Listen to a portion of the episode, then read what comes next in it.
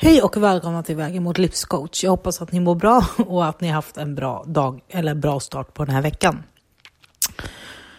Jag har mediterat mycket och jag har trotsat kylan och varit ute på mina promenader.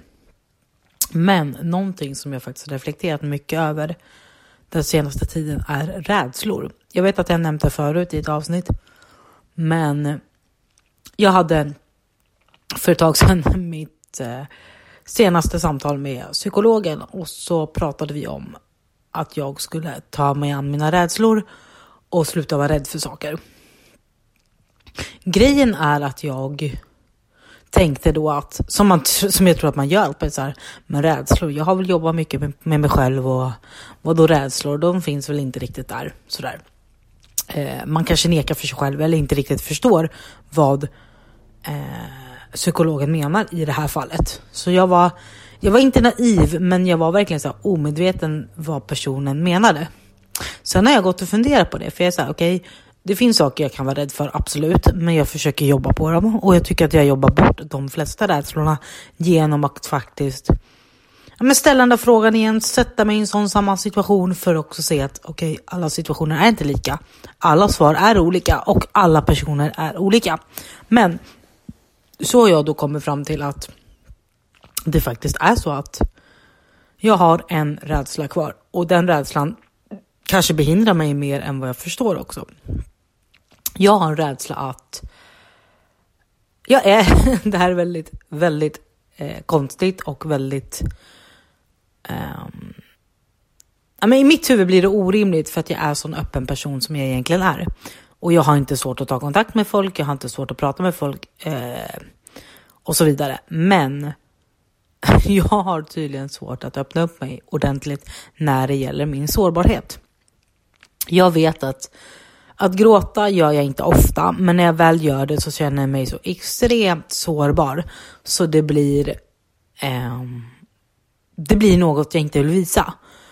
Och det här har då gjort att jag inte ens vill visa det för personen jag tycker väldigt mycket om. Där vi har varit i situationer eh, där det har varit tvärtom, där den personen har varit mest sårbar, men jag har inte hamnat i den situationen ännu. Och det hoppas jag inte att vi gör, att jag blir så ledsen. Eh, det behöver inte handla om att det händer något mellan oss, men eh, skitsamma. Det jag menar är att jag märker att det är där jag backar.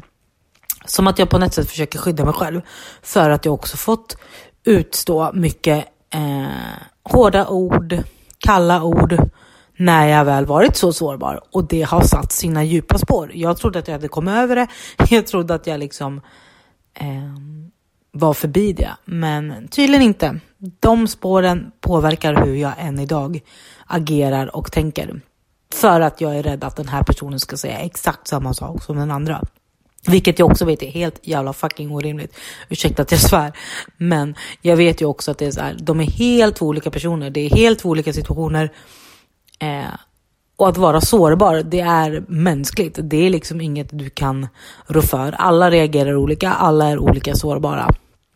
Men jag är livrädd eh, för det här.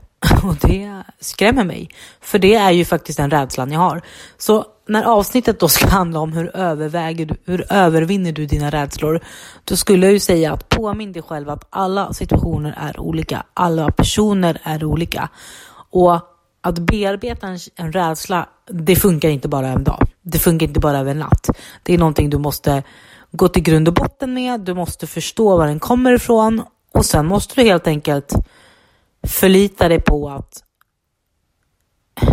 att det kommer att, alltså jag menar att du kommer lära dig någonting. Man lär sig alltid någonting så, men det kanske inte var så farligt som du trodde. Eller det kanske blev så att det utspelade sig att det utspela sig så att det blir ett helt annat resultat. Att övervinna en rädsla, visst, du ska, om du är rädd för att liksom bryta ditt mönster, men du ändå vill hoppa in i okända, ja men börja baby steps. Alltså börja med att förändra någonting eh, i hemmet. Ändra hur din mm, morgonrutin ser ut eller hur, hur, vad du har för klädstil, alltså vad du har för kläder på dig. Eh, börja inifrån och ut skulle jag säga. Och då menar jag liksom i hemmet och sen ut i samhället.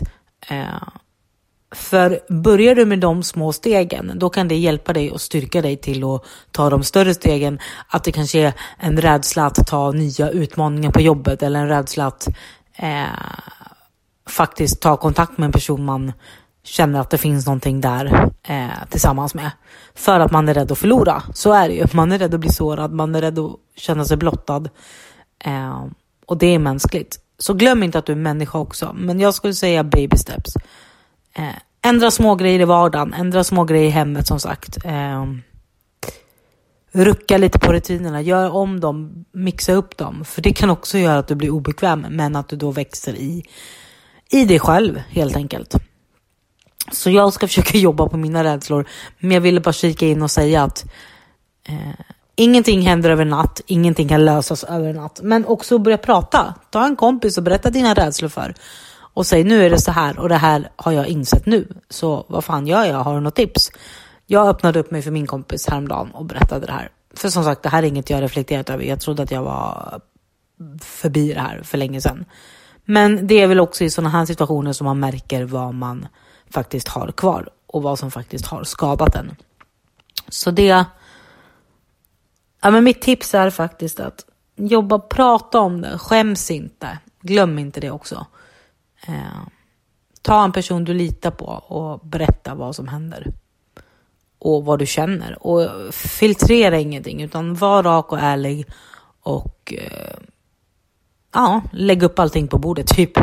Så kanske den personen kan hjälpa dig och bara, men om du tänker så här eller om du gör så här. Eller börja med det här. Men som sagt, små steg blir stora resultat till slut. Så glöm inte det och ta hand om er. Hej då!